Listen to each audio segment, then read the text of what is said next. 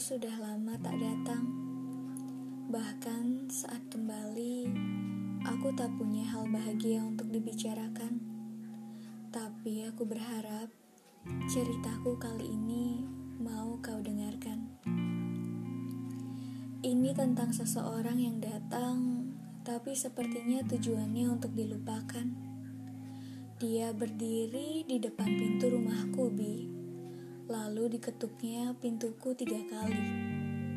Pada ketukan pertama, ia membuat rindu mengambil alih tubuhku. Pada ketukan kedua, dinyanyikannya sebuah mantra hingga saat suaranya masuk ke telinga, aku seolah dibuat mabuk olehnya. Dan pada ketukan ketiga, tak ada keraguan dalam diriku Hingga akhirnya aku buka pintu yang selama ini selalu kukunci rapat-rapat. Bahkan saat ada yang mendobrak pun, pintu itu tak pernah terbuka. Tapi kini, hanya dengan tiga ketukan, ia membuatku membukakan pintu bahkan tersenyum untuknya. Mungkin kamu akan berpikir, kalau aku benar-benar mencintainya. Bukan begitu, Bi?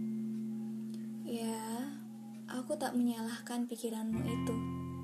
Karena memang begitu kenyataan yang selama ini aku sembunyikan.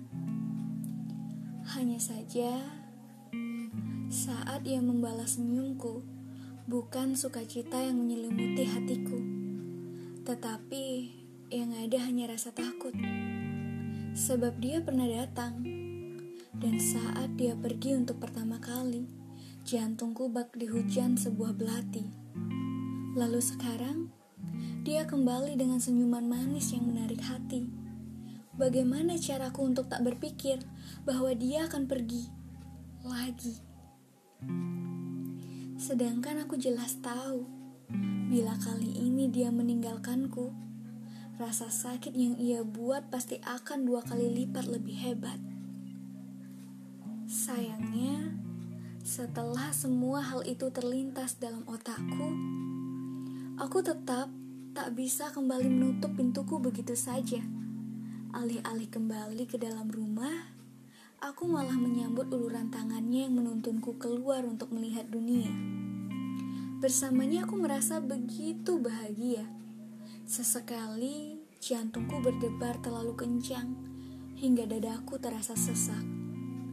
Tapi aku tidak keberatan Sebab itu berarti aku tidak sedang hidup di dalam dunia mimpi. Semakin jauh kami berjalan, semakin dalam aku tenggelam dalam angan-angan. Ekspektasiku membangun istananya sendiri, sedangkan realita mulai bersiap untuk menampakkan diri. Ya, dia membuatku berjalan jauh meninggalkan rumah, tetapi tujuan kami bukan rumahnya dia hanya mengajakku berkeliling tanpa tempat singgah, tanpa tujuan, hingga pada akhirnya yang kutakutkan terjadi. Ia melepaskan genggamannya, lalu berlari meninggalkan aku sendiri, dan tak pernah kembali. Aku hanya bisa menghela nafas panjang tersenyum miris, menyadari hati yang kembali teriris. Aku ingin berteriak, tapi aku terlalu takut dunia mendengarnya. Aku malu bila orang-orang tahu kalau aku kecewa. Si bodoh yang sudah tahu bahwa dirinya tak diinginkan, malah dengan bangga berdandengan tangan dengan orang jelas-jelas tak pernah menganggapnya istimewa.